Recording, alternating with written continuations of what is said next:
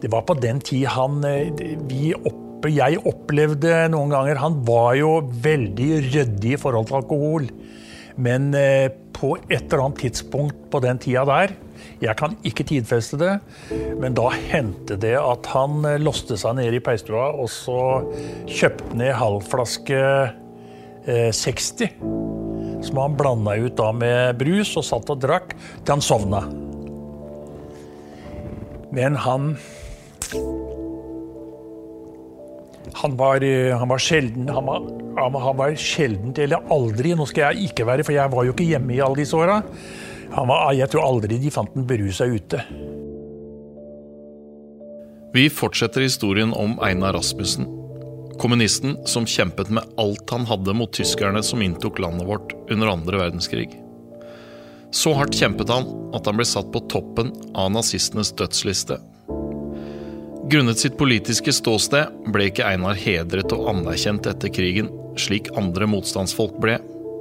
Det norske folk var redd for å gjøre stas på kommunistene, i frykt for at det kunne lede til å styrke dem og deres forbindelse til Sovjet.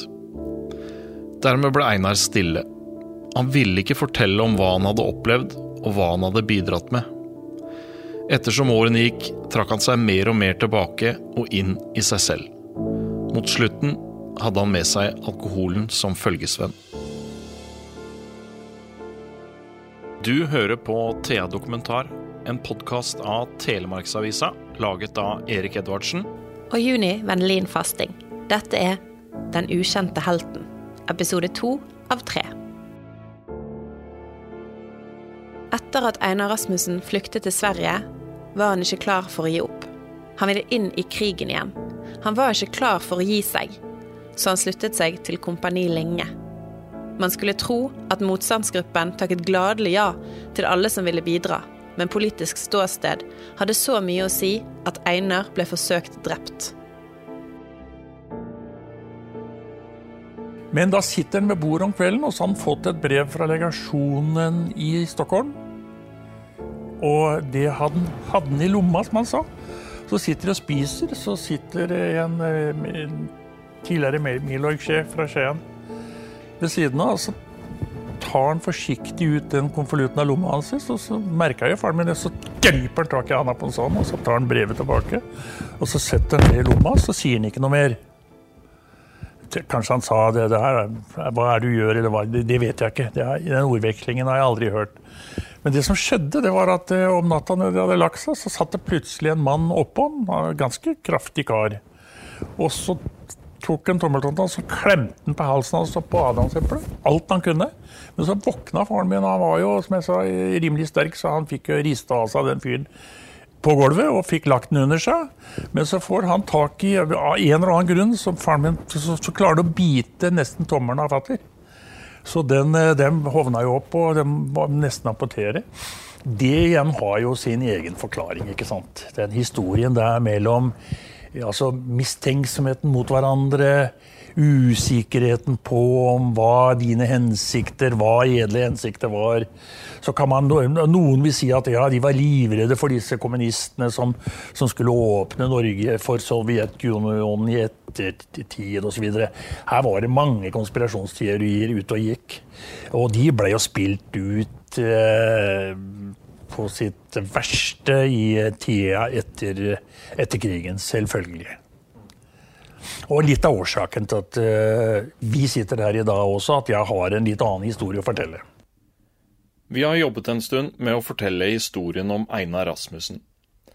Underveis har det dukket opp nye opplysninger og dokumenter som kaster nytt lys over historien til den ukjente helten. Et av disse dokumentene er en politirapport som ble skrevet etter krigen, og denne rapporten kan ha sammenheng med drapsforsøket Einar Rasmussen ble utsatt for under sin tid i Sverige. Vi lar Tom Einar fortelle. I forbindelse med drapsforsøket, som var veldig spesielt eh, i eh, Sverige under krigen, så eh, kan det se ut som at det har en sammenheng med at et par av de Milo-lederne fra Skien som var i samme leir, eh, var involvert. Eh, ja, jeg vil aldri si skyldig i noe som helst, men involvert i en litt vanskelig episode under krigen og, og etter krigen, nemlig at en del underslåtte midler, bl.a. fra Becker-familien, ble brukt til private ytelser. Uh, og en av de som var i Sverige, og som tok dette brevet opp av lomma på faren min, kan nok tenkes å ha en sammenheng med det. Fordi underslåtte midler og midler som var brukt til eget forbruk, tatt fra en jødisk familie bl.a., som det blir omtalt i en politirapport etter krigen, uten at noen ble dømt for det, kan være en forklaring på at uh, min far visste for mye, og at de ønsket å ta han av dage. Uh, det er foreløpig uh, ikke oppklart, eh, og vil kanskje aldri heller bli det. Men eh, det er en spennende historie som eh, det er verdt å jobbe litt mer med. Drapsforsøket var mislykket. Mannen som forsøkte seg, ble arrestert og nedgradert til å pusse våpen. Mens Einar ble plassert i verdens beste skiløperkompani, kalt Orm. Der ble det heller ikke enkelt for han. Resten av gruppen forsøkte rett og slett å riste han av seg. Der var det altså Lars Bergendal, som var verdens beste skiløper. Han var med i kompaniet. Arne Nytrø, som var en av Norges beste skiløpere, var med. Friidrettsmann også. Arne Tuft var en av Norges beste skiløpere, var med. Så var det Georg Løkkeberg, han skuespilleren som døde for mange år siden. Eh, kjent sku, norsk skuespiller. Og eh, major Aasen fra Trondheim, som var veldig veltrent. Dette var jo folk på topp nivå. Og så fant vi ut at de, de, hver gang de hadde skifta depot, så gikk de som faen. Faren min ble etter. Men han sleit og sleit og sleit. Eh.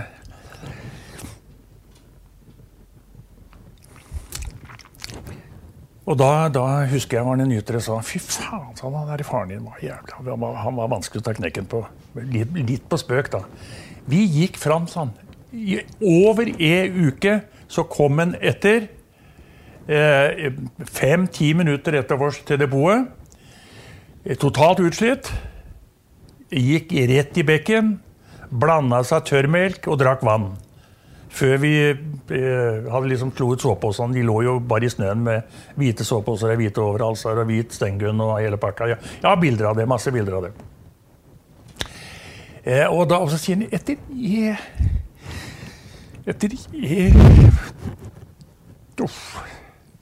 Etter Og det, det her lo han litt, han syntes det var de festlig. Etter ei uke, sånn, så var han faen meg på høyde, sånn. Og på slutten av krigen, sånn, så hadde vi problemer med å følge han.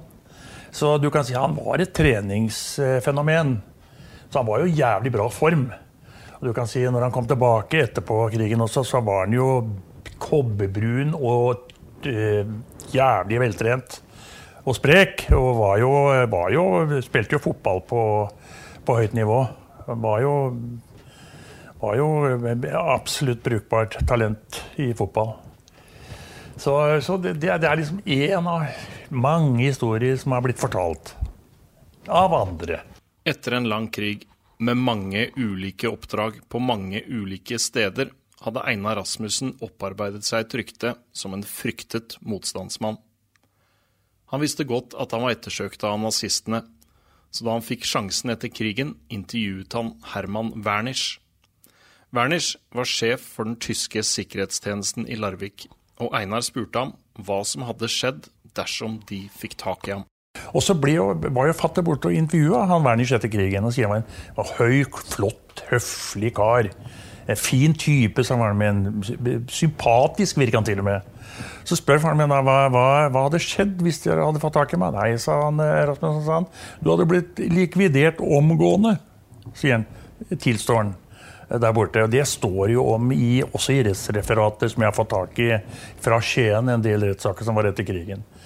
Så, så var, og, og, da har jeg lurt på liksom, hvorfor i heiteste var han så ettersøkt. Ikke sant?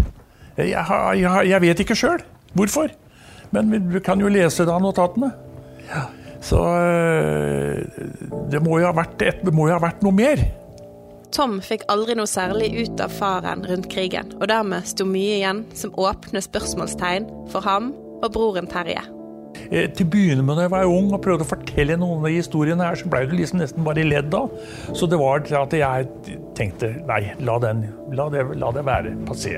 Det er ikke noe å snakke om. Er det noe å snakke om egentlig? Faren min ville ikke snakke om det.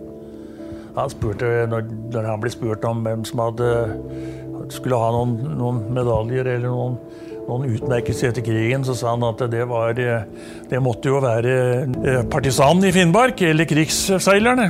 Er, vi andre vi, vi, vi hadde, hadde, ingenting å stille opp med i forhold til de. Så alle, alle, mange av disse operasjonene som er filmatisert og gjengitt, som han sa at eh, det, det, var ordinære, eh, ordinære sabotasjeaksjoner. Og kunne sikkert vært utført på en mye bedre og skånsom måte for de som ble ramma. Det var de eneste han sa. Han var aldri opptatt av å fortelle om seg sjøl og noe. Og det, du kan si det er ikke jeg arva. Og det er ikke broren min arva, ingen i familien arva det. Men han var helt ekstrem. Han, han, han ville ikke fortelle om noen ting han hadde vært med på. Jeg, jeg spurte ham om krigen. Jeg, jeg, fikk jo greie på mye av det han hadde vært med på. Det fikk jeg greie på av andre mennesker som jeg traff sånn tilfeldig. Så det er ikke han som har fortalt deg det meste du vet? Nei, nei, nei. Jo, noe av det, selvfølgelig. Jeg, for jeg måtte jo spørre. Når jeg fikk tips fra andre, så måtte jeg spørre, men han var ikke veldig meddelsom. Var ikke det, sa han. Sa, den tida er over, Topp, sa han. Glem det, legg det bak deg.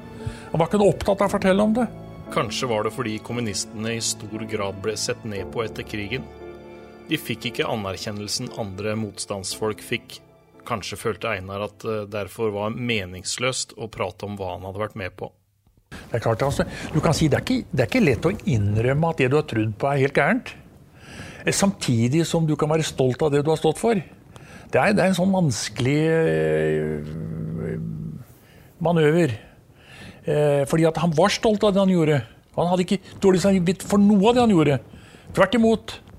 Men, men eh, det at, det, ble, at, dette blir mistolka og brukt i en slags politisk krigføring mot eh, venstresosialistene, det, det, var, det var hardt å, å, å svelge.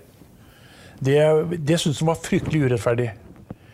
Eh, for det å bli satt i hardkorn med, med, folk som hadde andre hensikter enn det de hadde sjøl, det, eh, det, er ganske ille. Når du vet at du ofra livet ditt gang på gang for å kaste ut eh, det, det mest despotiske regimet som noen gang har regjert i denne verden. Tom er tydelig skuffet over at samfunnet ikke anerkjente Einar og andre som var med på å kjempe for Skien og Telemark. Han føler nærmest at faren ble satt i bås med nazistene, til tross for at det var langt ifra det han sto for. Det som er litt trist, det er når vi leser Skiens historie. Den er jo skrevet egentlig på mange områder av mange. Så er det sjeldent at noen av de vanlige sliterne får oppmerksomhet. Det er stort sett de kjente og aktede borgere som får æren for det som har betydd noe for utviklingen i Skien, og det syns jeg er trist. Men selv om han ikke ville snakke så mye om det han hadde opplevd, og det han hadde vært med på, så var ikke livet etter krigen bare en nedtur for Einar Rasmussen. Han engasjerte seg i lokalsamfunnet, og etter hvert ble han også pappa for Tom og Terje. Han hadde ikke vanskelig hele veien. Nei da, han var veldig aktiv etter krigen. Det var jo sånn at uh, han uh, nøt en viss respekt i, uh, hos en del som visste hva han hadde gjort under krigen. Så Sånn sett så, så beholdt han absolutt sin integritet. Han var aldri i tvil om hadde, at det han hadde gjort under krigen, var det riktige. Eh, etter krigen så, så, ble det jo selvfølgelig mye snakk om det ene og det andre. Men, eh, og det ble mange artige historier ut av det egentlig også. Bl.a. en der eh, min bror Terje sammen med Helge Pedersen, som hadde en far Per Pedersen, som var politi etter krigen. Eh, der hvor begge de to guttene de, de tok seg litt til rette og, og, skulle liksom henge ut en tidligere stornazist i byen. da. De tok med seg pensel og maling, og så skrev de på grunnmuren hans at her får dere ferske naziegg fra Fauske. Det var jo selvfølgelig ikke ålreit, og de ble også oppdaga.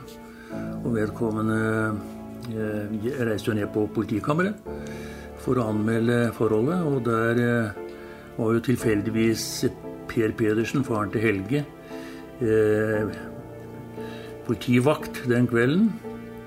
Og, og, det ble jo en lite hyggelig historie for han å få ta imot denne anmeldelsen. Det som i tillegg skjedde, var jo at uh, etter anmeldelsen så kom jo denne fyren med ganske klare trusler. Hvor han sier at eh, nå hadde han satt ut to vakter, og hvis han så mye som så trynet på de to guttene, så skulle han grisebanke de. Og det var jo en unødvendig tilføyning til anmeldelsen. Og selvfølgelig så blei Per Pedersen ganske forarga og forundra og, og, og, og litt, sikkert litt skremt også.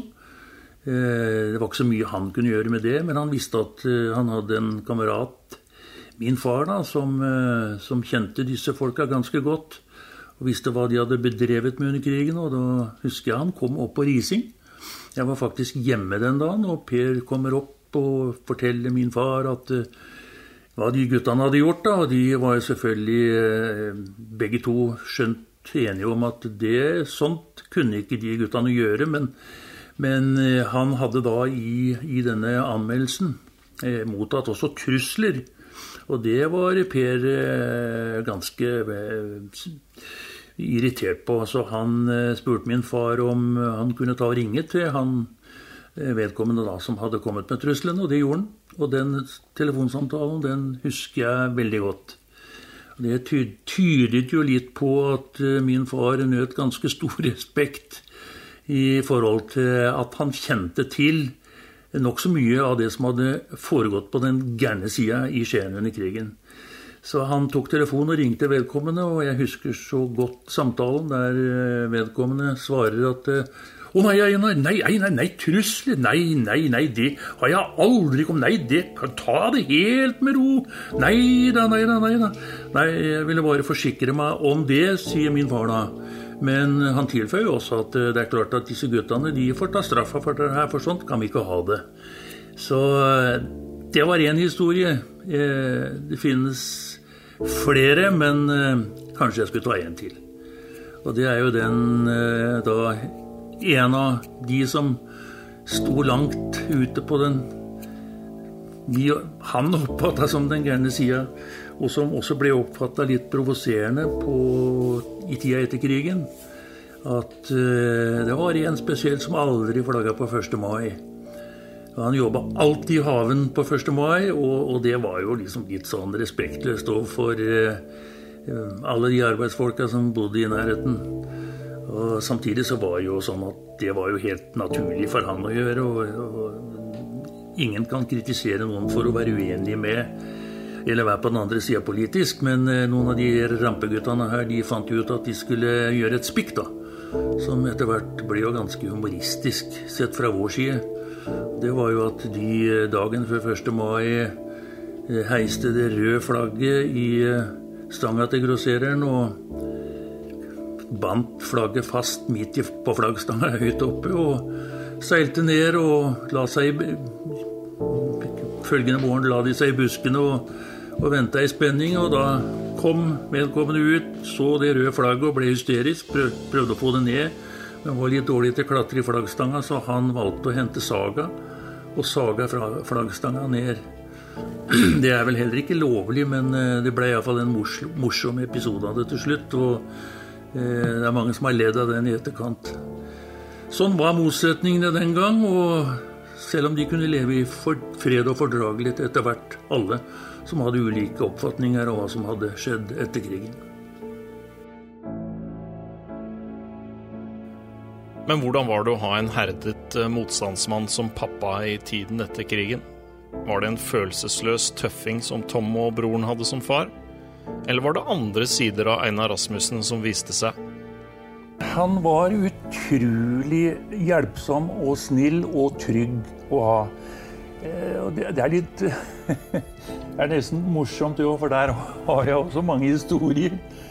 Eh, vi, vi var en vill gjeng på Rising som vokste opp der. Og eh, det var noen bandeførere der som var eldre enn meg, og som var ganske tøffe. Og det å ha en pappa da i bakgrunnen som var trygg og god å gå til, det var, det var, eh, det var eh, noe som en aldri glemmer. Du kan si at uansett hva du var med på, om det var litt gærent eller om det var eh, ja, litt på kanten, for å si det sånn, vi var jo bare guttunger, så, så visste jeg alltid at jeg hadde faren min i ryggen. Og det var ganske trygt, fordi det var, det var ganske tøft å vokse opp på, på Rising. Og han var ekstremt eh, følsom, veldig snill. Eh, ikke utagerende i det hele tatt. Alltid kontroll. Rolig, men, men eh, veldig bestemt. Det var han. Og litt sta. Det var han. Eh, Eh, og, og, helt opplagt sleit med en del ettervirkninger etter krigen. Men han var eh, Han var sånn at han eh, si her, Han var så, altså, så Hvis vi snakker om liksom å være tøff, da Han var jo ikke tøff i det hele tatt. Eh, på en måte. Han kunne komme hjem med ei bydue som hadde, som hadde brekt vinga som satt midt i gata. Og stoppa trafikken, og så tok han dua hjem, og så pleide han Nei. Eh.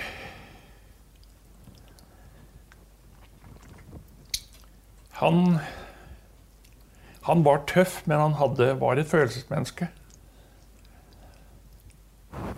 Han var jævlig snill.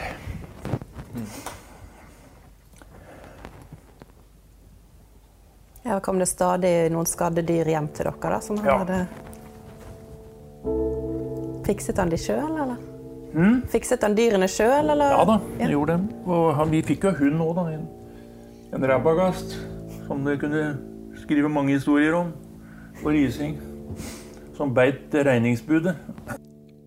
Einar var snar med å hjelpe de rundt han, både dyr og mennesker.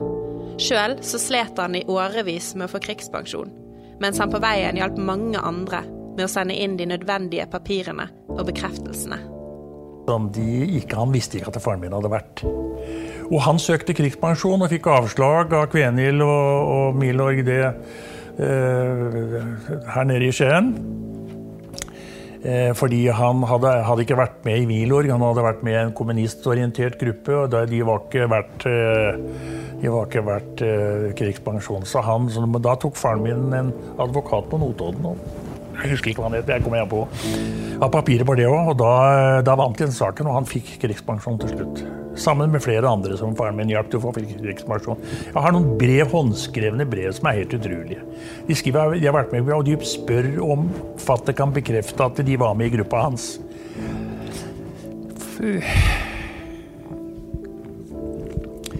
For å få erstatning og for å få oppreisning, for å få krigspensjon. Ble blankt avvist. Og jeg snakka jo med eh, faren min søkte krigspensjon første gangen, så var jo det med Paul Hartvig, som var eh, overlege på sykehuset psykiatriske. Og ja, Paul Hartvig er i Oslo enda, han er professor i, i psykiatri. Og han sier at herregud, sånn Han hadde At ikke han fikk krigspensjon, han. det er helt uforståelig. Som, og det, er, det, ligger jo dokumenter der inne også på Rikstrygdeverket som jeg, han sier han, skal, han kan hjelpe meg å få det ut hvis jeg vil. Men jeg har ikke gjort det.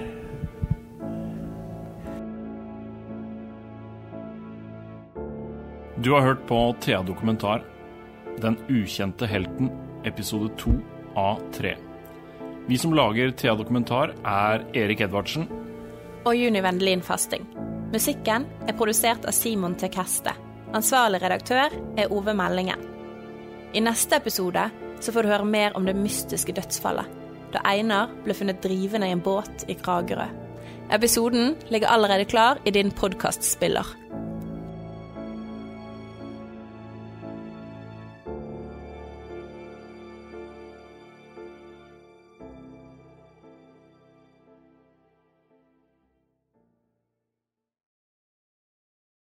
Har du et enkeltpersonforetak eller en liten bedrift? Da er du sikkert lei av å høre meg snakke om hvor enkelt det er med kvitteringer og bilag i fiken, så vi eh, gir oss her, vi.